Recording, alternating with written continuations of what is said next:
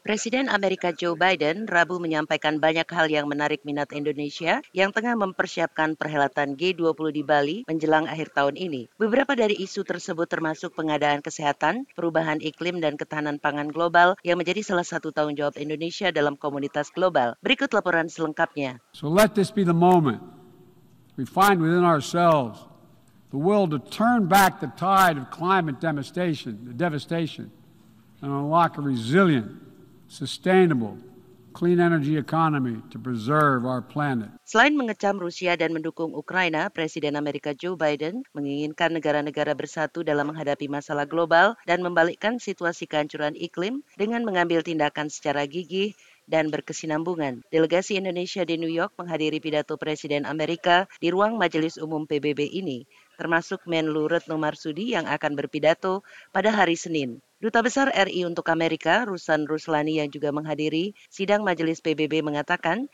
meskipun pidato Presiden Amerika kali ini banyak mencurahkan pada masalah Rusia dan Ukraina, namun ada hal-hal yang sejalan dengan kepentingan Indonesia.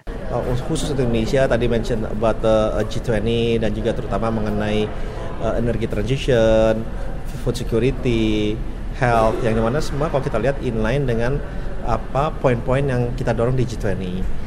Dubes Rosan Ruslani juga mengatakan pidato Biden mengenai kerjasama ekonomi Amerika dengan kawasan Indo-Pasifik dalam forum ekonomi IPEF juga sejalan dengan kebijakan Indonesia yang menjadi salah satu pendiri forum kerjasama ekonomi ini. Delegasi Indonesia pada sidang majelis PBB tahun ini memang memusatkan perhatian pada G20 yang akan diselenggarakan pada bulan November mendatang. Menlu Retno Marsudi gencar mengadakan pertemuan bilateral dengan negara-negara G20 sejak hari pertama debat umum di dimulai. Menteri Koordinasi Maritim dan Investasi Luhut Binsar Panjaitan yang sempat mengikuti kegiatan delegasi Indonesia di sidang umum PBB ini dalam kesempatan terpisah, Rabu juga menghadiri acara penyalaan bel dimulainya perdagangan di pasar saham New York.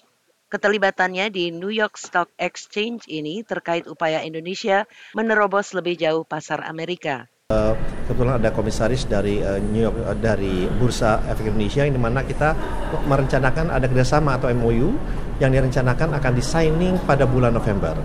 Ya. Uh, kerjasama antara New York Stock Exchange dan juga Bursa Efek Indonesia kita coba finalize di situ. Dan yang kedua kita justru juga membawa potensial dari perusahaan Indonesia yang akan uh, mencoba listing di uh, New York Stock Exchange. Banyak hal yang menjadi agenda delegasi Indonesia dalam sidang PBB ke-77 ini. Rabu sore, Menlu Retno Marsudi akan mengadakan pertemuan bilateral dengan Menlu Arab Saudi, Filipina, dan Kamboja. Dari markas besar PBB di New York, Madioni melaporkan untuk VOA.